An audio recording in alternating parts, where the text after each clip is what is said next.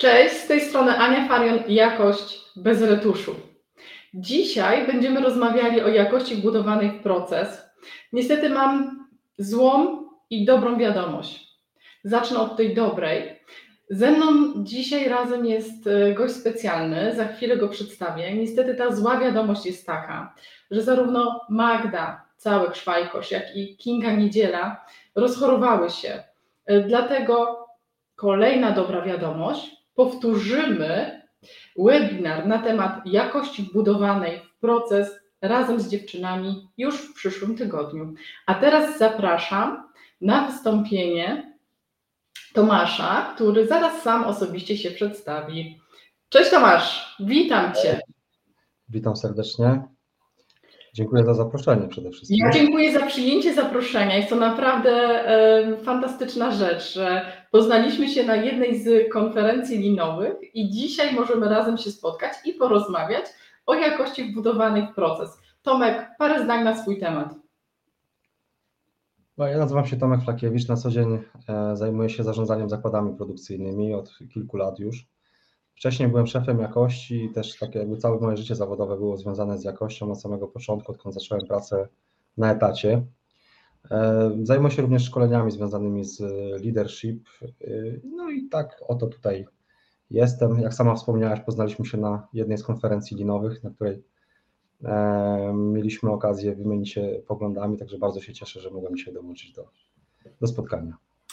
To co, ja może przedstawię tak e, mniej więcej naszą koncepcję dzisiejszej rozmowy, którą myśmy omówili parę minut temu, zaledwie, bo nam się plany zmieniły, niestety nie ma Kingi i Magdy. Serdecznie dziewczyny Was oczywiście pozdrawiamy i liczymy, e, że za tydzień e, spotkamy się w pełnym składzie.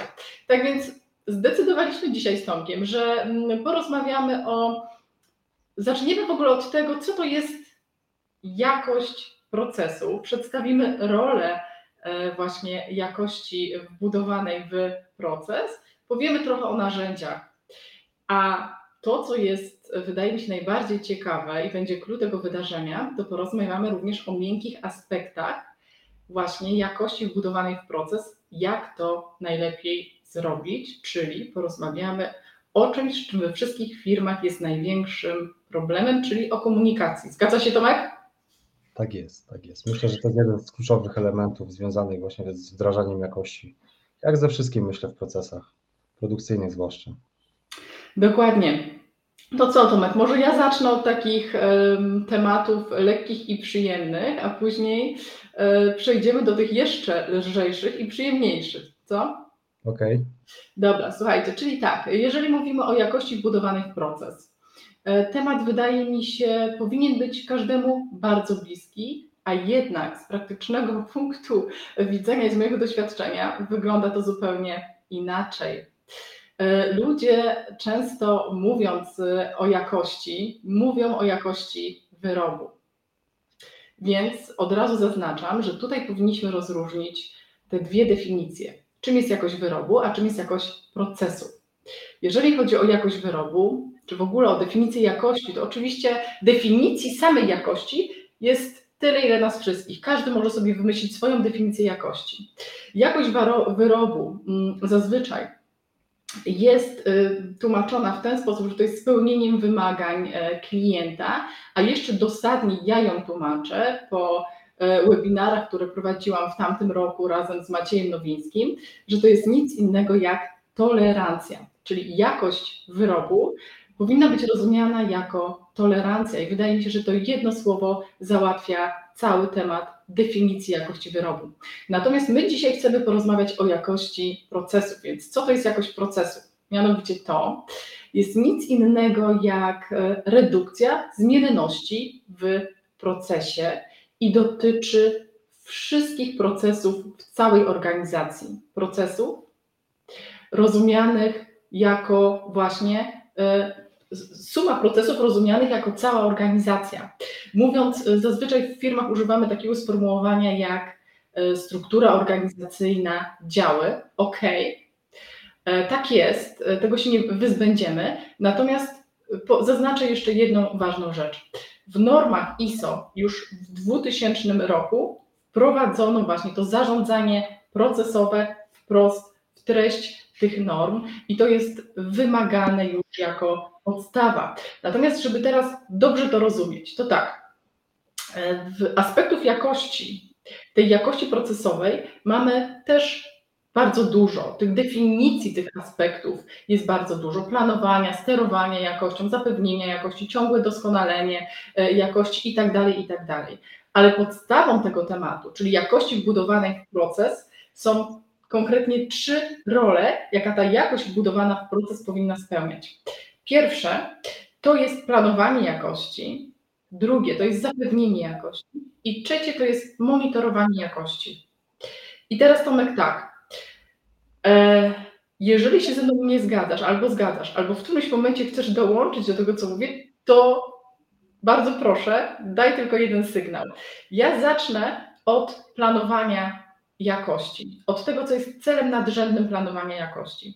Bo z jednej strony to jest oczywiście e, zarządzanie ryzykiem po to, żeby zapewnić e, zaufanie klienta, że wszystko to, co będzie się działo wewnątrz naszej organizacji, e, dzieje się po to, żeby spełnić jego oczekiwania, żeby on dostał wyrób zgodnej jakości, na czas, żeby obsługa tego, tej całej, tego całego wytwarzania czy usługi była zgodna z jego oczekiwaniami, tak? No i też oczywiście cena jest tutaj jak najbardziej ważna. O tym też nie możemy e, zapominać, bo to wszystko nas e, kosztuje, tak? Ale z drugiej strony. Do, do, dorzucę, dorzucę jedną bardzo ważną rzecz, myślę, że trzeba tutaj e, nasunąć. Z mojego doświadczenia wynika, że często klienci, którzy mają pewne swoje wymagania i mówimy tutaj o zapewnieniu tej jakości od strony takiej e, zapewnienia tych wymagań, bardzo często zdarza się tak, że klient nawet nie wie, że technologia, którą jest wykonywana dana, dany produkt, jest czasem niewykonalna i warto mu zwrócić na to uwagę. I uwaga, klienci bardzo często biorą pod uwagę to, co się mówi w danym momencie, więc warto rozmawiać z klientem również. I tutaj Tomek, dzięki Ci za to, co powiedziałeś, dlatego że tutaj wracamy do początku, do pierwszej roli, e, do pierwszej roli tak naprawdę procesu jakości, czyli jakości budowanej w proces, którym jest planowanie jakości, prawda? Dokładnie. Czyli wszystko, wszystko tak naprawdę skupia się na tym. Po planowaniu jakości, jak już wchodzimy z wyrobem i go zaczynamy wytwarzać, to już te koszty tej jakości firma, która wytwarza to, czyli dostawca, bierze na siebie.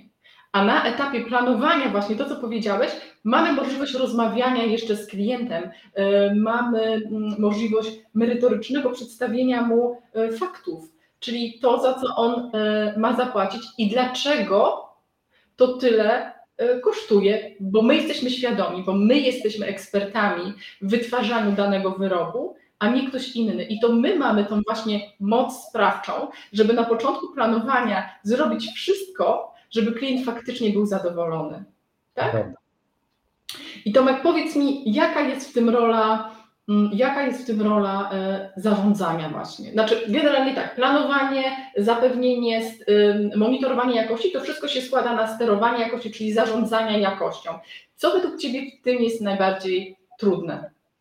Znaczy, mi się wydaje, że jeżeli chodzi tak, zawsze najtrudniejsza jest komunikacja. To, to, o czym właśnie przed chwilą rozmawialiśmy już przed samym e, webinarem. E, I zarówno tej od strony e, wewnątrz firmy, wewnątrz organizacji, jak i od strony na zewnątrz organizacji. Uważam, że tutaj kwestia komunikacji z, przede wszystkim z klientem jest bardzo istotna.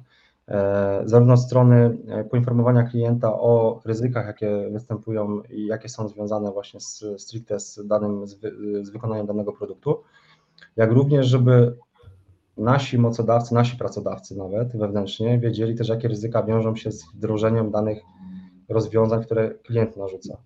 Zdarza się tak, że nie wiem, powiedzmy, że jakieś testy palności, one kosztują tyle pieniędzy, że firma na przykład nie wzięła pod uwagę tego podczas przygotowania kosztorysu. I to są takie elementy, o których czasami, rzadko kiedy, ale zapomina się. To jest bardzo ważne, co powiedziałeś. Ja też na samym początku um, powiedziałam o tym, że właśnie planowanie to jest z jednej strony analiza e, ryzyka, czyli wzięcie pod uwagę e, wszystkich różnych e, kontekstów wokół organizacji, żeby się zabezpieczyć, zabezpieczyć siebie i zabezpieczyć też klienta pod kątem faktycznie możliwości realizacji tego projektu, tak? czy, czy wytwarzania danego wyrobu, ale z drugiej strony, jeżeli chodzi o planowanie jakości, to podstawą jest nadzór nad charakterystykami specjalnymi, czyli ich identyfikacja, ich analiza, a następnie właśnie cały cykl PDCA, tak? Dokładnie. Jak zrobić, żeby to faktycznie ten cykl miał miejsce w sposób jak najbardziej właściwy, Tomek? Znaczy, znowu też odnoszę się do tej komunikacji, bo e, osoby, które analizują te wymagania jakościowe od samego początku e, trwania jakby projektu, w zależności od tego, jaka organizacja jest zbudowana, czy planowanie jakości jest powiedzmy, że w jednym obszarze i później te informacje zostają przekazane do kolejnych, czy też dana osoba, która zarządza jakością w organizacji, jest odpowiedzialna później przez cały czas, jakby cały cykl trwania produktu. Mm, najtrudniejsze jest to, żeby przekazać te wszystkie informacje, które się przeanalizowało, które się uzgodniło z klientem do wewnątrz organizacji, zarówno poprzez kontrol plany, jak i poprzez instrukcje, które trzeba mm, wprowadzić do organizacji, które są wymagane również przez normy, jak również podczas szkoleń wewnętrznych, które trzeba przeprowadzić, żeby te informacje, które się zdobyło w trakcie jakby budowania tego całego procesu planowania tej jakości, e, żeby przekazać innym osobom, dlaczego to jest ważne. I tutaj zwracam uwagę na taką jedną bardzo ważną rzecz w mojej ocenie, mm, którą jest, e, nie wiem, czy bawiliście się kiedyś w przedszkolu w coś takiego, co się nazywało głuchy telefon. Także jak przekazywane są informacje z jednego ucha do drugiego, gdzie tych informacji jest multum i trzeba sobie, na końcu ta informacja jest kompletnie inna. Więc e, to zrozumienie, to przekazywanie tych informacji musi być naprawdę na bardzo wysokim poziomie. No i niestety komunikować się, komunikować, jeszcze raz komunikować i powtarzać, a zwłaszcza jak coś jest produkowane na przykład na trzech czy na czterech zmianach produkcyjnych, to już w ogóle to jest naprawdę dosyć istotne i trudne. No i poza tym multum tych informacji, które się zdobywa podczas wdrażania danego projektu, to jest wiedza, której bardzo często jest bardzo ciężko przekazać w przeciągu, nie wiem, jednego szkolenia w ciągu jednej godziny, a spędziło się nad danym projektem, nie wiem, powiedzmy, że kilkadziesiąt tych godzin przy analizie dokumentacji e, klienta, rysunków technicznych, dyskusji z nim, jakichś prób, które były wykonane i tak dalej, i tak dalej. To jest, to jest wydaje mi się, taki, takie clue do wszystkiego, co e, musimy zapewnić w budowaniu jakości procesu. I ja myślę, że tutaj często e, w firmach napotykamy niestety taką e, patologię procesowo, procesową, bo e, na przykład w branży motoryzacyjnej, w której ja już ponad 17 lat, nie chcę powiedzieć brzydko siedzę, ale mam doświadczenie, to y, mamy pewne, pewne takie etapy. Nie? Jeżeli chodzi o to planowanie jakości, no to wykorzystujemy narzędzie podstawowe, to jest y, APQP.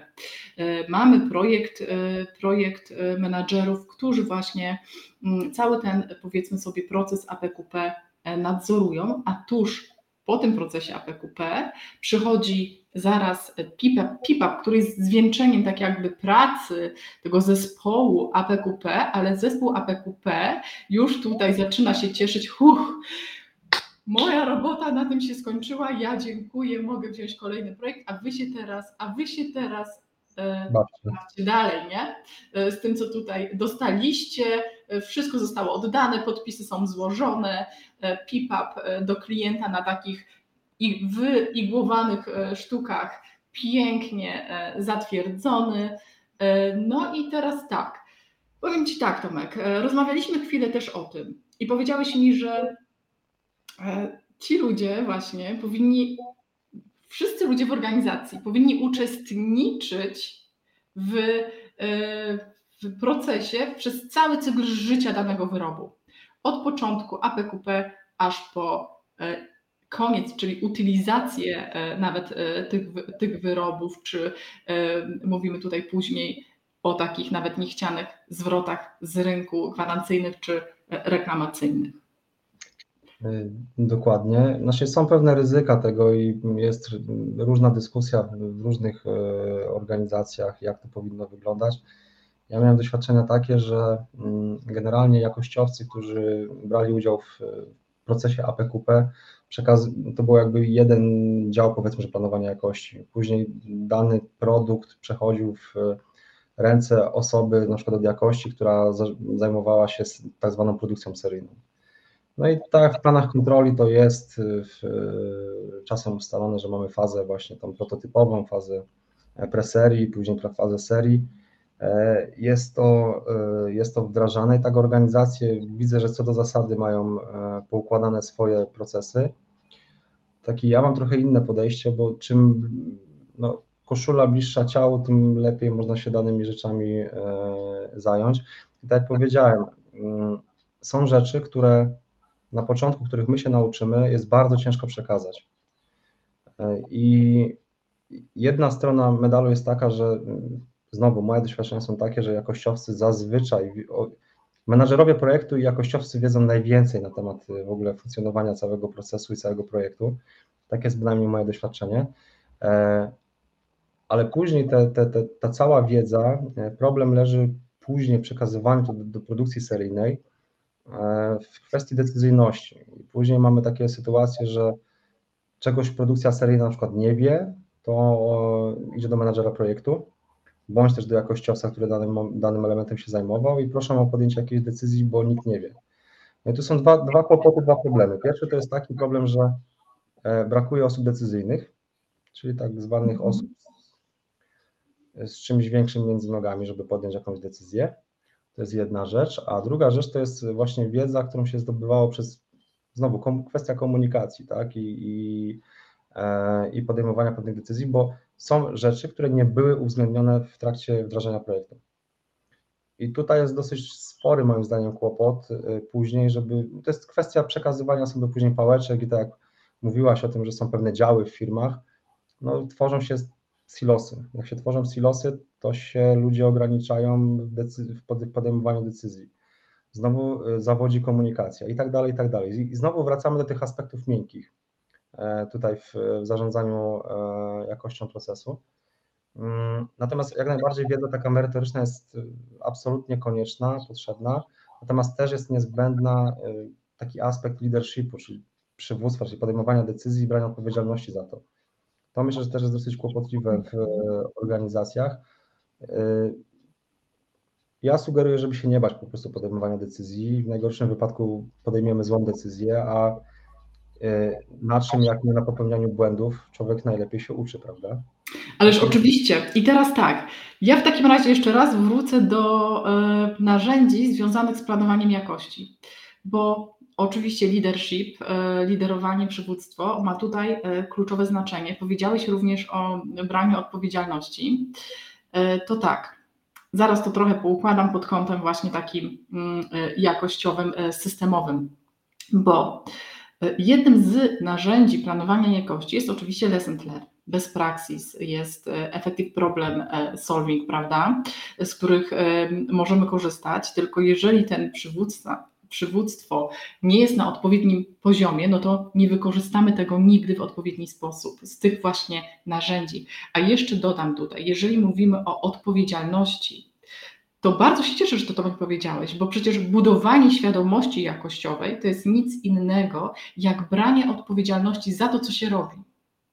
Jeżeli tego budowania świadomości jakościowej nie ma wśród e, liderów, no to gdzie ma być dalej i w jaki sposób to jest dalej kaskadowane na e, pozostałych pracowników, a przede wszystkim tych pracowników najbardziej ważnych, którzy mm, dają bezpośrednio wartość dodaną firmie w postaci właśnie e, na przykład produkowania bezpośrednio na linii produkcyjnej e, części, tak? czyli operatorów. E, I teraz idźmy jeszcze dalej. Ok, narzędzia, mm, narzędzia do planowania jakości. Czy zarząd, liderzy z tego korzystają i w jaki sposób? Wykorzystują właśnie te narzędzia, żeby się skomunikować dzięki nim y, w głąb organizacji dalej. A teraz przejdźmy do zapewnienia jeszcze jakości, bo też już wspomniałeś o narzędziach do zapewnienia jakości, wspomniałeś o szkoleniach. Mamy tutaj takie narzędzia jak na przykład lekcje jednotematyczne, mamy narzędzie w postaci audytów warstwowych, e, mamy narzędzie w postaci gęba, e, mamy narzędzie w post- linowe narzędzie w postaci na przykład e, Kaizen, Mamy, e, mamy e, narzędzie w postaci na przykład error proofing, mamy narzędzie podstawowe, mianowicie standaryzacja pracy, ko- matrycę kompetencji, y, tych narzędzi można by to było wymieniać i wymieniać, tylko okej, miękkie, e, że tak powiem, umiejętności robią twarde wyniki. I teraz jak wykorzystać te miękkie umiejętności i te narzędzia, żeby te twarde wyniki e, zrobić właśnie i wbudować tą jakość w proces, bo przecież jakość to nie jest dział kontroli jakości. Jakość dla jakości. Jakość jest jedynym takim elementem w firmie, gdzie pracuje na to cała firma, każdy jej pracownik, bez względu na to, czy tych pracowników w firmie jest 2000, 300 tysięcy, 40 osób czy 5 osób. Każdy z tych osób jest pracownikiem tak naprawdę e, jakości i nie inaczej. Więc co byśmy mogli jeszcze tutaj podpowiedzieć e, osobom, które nas, Tomek, słuchają? Może nie chcę powiedzieć dobre rady, ale mm, jakieś dobre praktyki, które moglibyśmy wykorzystać, korzystając z narzędzi, które nam daje e, proces. Wiesz co, ja, ja tutaj właśnie odnośnie narzędzi takich stricte y, jakościowych, tutaj bardzo często mówimy o problem solvingu. E, ja uważam, że akurat problem solving jest e, zarówno niedoceniany, jak i przeceniany. Dlaczego niedoceniany? Niedoceniany, bo narzędzia problem solvingu są bardzo prostymi narzędziami, wbrew pozorom. To nie jest tak, że nie wiem, brainstorming i shikawa, musimy się tego uczyć nie wiadomo ile, no, żeby zrobić zwykły wykres, rozpisać sobie pomysły, jakie mamy i później ocenić, które z tych pomysłów mogą wpływać albo nie będą wpływały na proces. Nie wydaje mi się, żeby były jakoś zbyt skomplikowane. Natomiast e, brakuje wśród e, osób, które zajmują się tym problem solving, takim poprowadzeniem, taką moderacją takich, e, takich obszarów, Znowu wracam do tego przywództwa. Dlaczego? Dlatego, że y, osoby, które prowadzą, czy to, nie wiem, szefowie projektu, czy to jakościowcy, czy to logistycy, ktokolwiek, to jest naprawdę mało ważne. E, komplikują sobie życie, bo mamy, nie wiem, raporty 8D, bo organizacja wymaga, że to musi być na jakichś tam formularzach i tak dalej. E, znowu, moje doświadczenie zawodowe, jakby chciałbym powiedzieć o takich dwóch aspektach. Jak byłem szefem jakości, bardzo rzadko korzystałem z narzędzi problem solving. Może to wydać się dziwne, ale tak faktycznie było. Natomiast w momencie, kiedy udało mi się kiedyś tam awansować i zarządzać zakładem z kolei, już od strony takiej bardziej helikopter view, no trochę tutaj z przykrością muszę to stwierdzić, ale pagony zrobiły swoje. W sensie takim, że ja miałem moc decyzyjną. Ludzie, którzy ze mną pracowali, którzy e, zacząłem używać narzędzi problem solving jako takich, które tak, żeby nauczyć ludzi y, korzystać z tych narzędzi, ale nie na zasadzie takiej stricte systemowej, tylko kartka, długopis, czy tam, nie wiem, na flipie jakimś zwykłe wyrysowanie to, co nas boli i uzgodnienie wspólne w zespole, czym się zająć w pierwszej kolejności. I takie rzeczy naprawdę pomagają, rozwiązują, nie przekombinowywanie narzędzi problem solving w, w codzienności. E, przed tym, e, przed tym przestrzegam z jednej strony, natomiast nie bójcie się po prostu brać odpowiedzialności za analizy, które bierzecie i e, powiedzmy, że nie wiem, że mamy coś takiego jak DOE, tak, czyli Designowy eksperyment, tak? Mhm. Dokładnie. I no niestety my jesteśmy takimi eksperymentatorami, którzy muszą zweryfikować pewne hipotezy, które mamy w trakcie procesu, jeżeli nam coś nie idzie. Nie bójmy się tego, próbować. Natomiast nie kręćmy zbyt wieloma kurkami naraz, bo to jest y, stricte naprawdę problematyczne. I tutaj, i tutaj jest rola lidera i tego, żeby po kolei przekręcać te kurki w takiej codzienności. Ja się kiedyś spotkałem z taką sytuacją, gdzie mieliśmy bardzo duży problem w dostarczaniu części do klienta. Nie był to automotive, ale było to AGD, y, natomiast y, konsekwencje bardzo podobne jak w automotive. Y, I mieliśmy tak duży problem, gdzie były jakby z trzech silosów, czyli z trzech obszarów, każdy twierdził, że to nie jego problem i albo problem kolegi obok. Na szczęście okazało się, że właśnie decydując się po kolei kręcąc, kręcić tymi kurkami, znaleźliśmy przyczynę źródłową. Używając zwykłego długopisu, jakieś kartki, którą znaleźliśmy po prostu przy maszynie gdzieś tam, E, i to dawało efekty. Natomiast jeszcze jedna bardzo ważna rzecz, o której bardzo się często zapomina, to weryfikować e, skuteczność działań, które podjęliśmy. i o tym też się zapomina. Tego wymagają audytorzy. My bardzo często nie rozumiemy dlaczego. Natomiast ta skuteczność tych działań, ja zawsze mówię, że obiekt monitorowany poprawia się pod wpływem monitorowania. I to jest klucz całego problemu w używaniu jakby narzędzi problem solving. Więc to wydaje mi się, że jest takie naprawdę z jednej strony wydaje się być proste, ale z drugiej strony jest mega trudne w codzienności, takim codziennym życiu e, organizacji, to używanie problem solving. Zresztą jak z każdą inną metodą. Możemy mówić tu o każdej metodzie, 5S, linowych, e, VSM-ach i tak dalej, i tak dalej, APQP, whatever. Zawsze największa trudność jest w tym, że przekomplikowujemy sobie życie, zamiast zrobić coś prostego.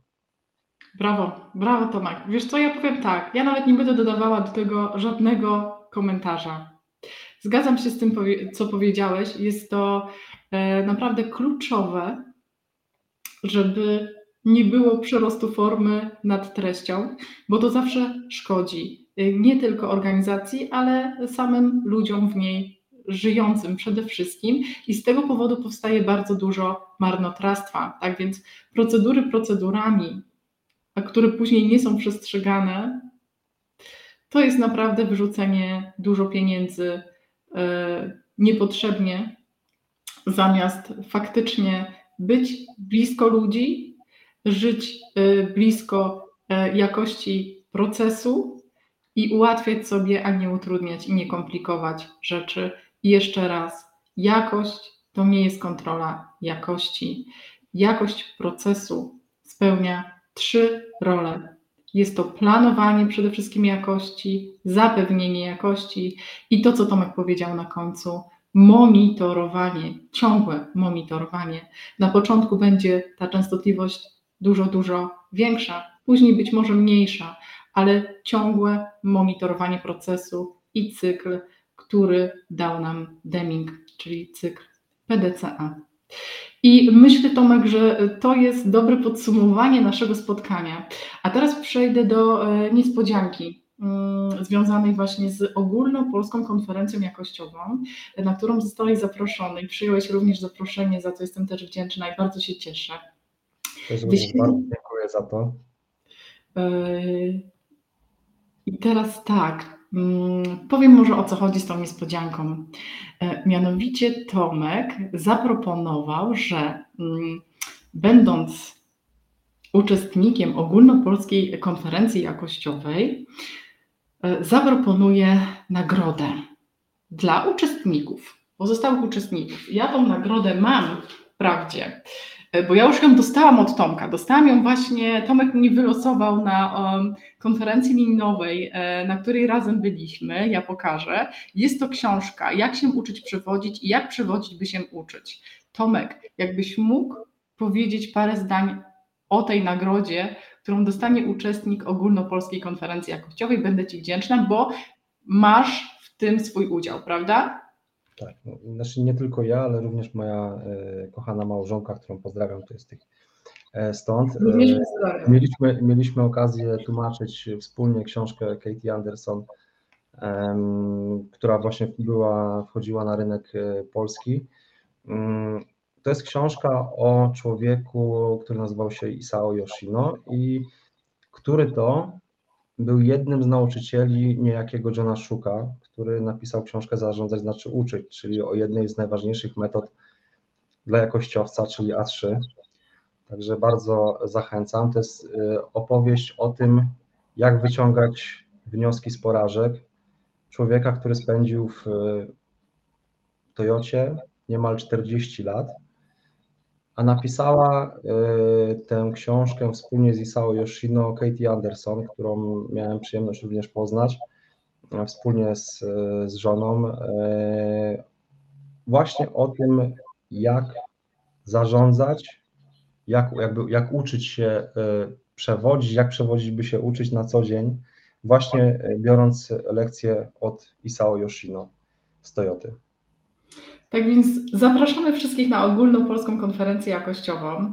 Będzie nam e, bardzo miło Państwa e, gościć i powiem jeszcze tyle, że to nie jest jedyna nagroda, którą zaproponował Tomasz. Drugiej nie zdradzę, jest również bardzo ciekawa i wartościowa. E, dziękuję wszystkim za uwagę I zapraszam na nasz e, kolejny webinar. Tomasz, przede wszystkim Tobie dziękuję za rozmowę. Do usłyszenia e, i do zobaczenia. Cześć. Również cześć, pozdrawiam.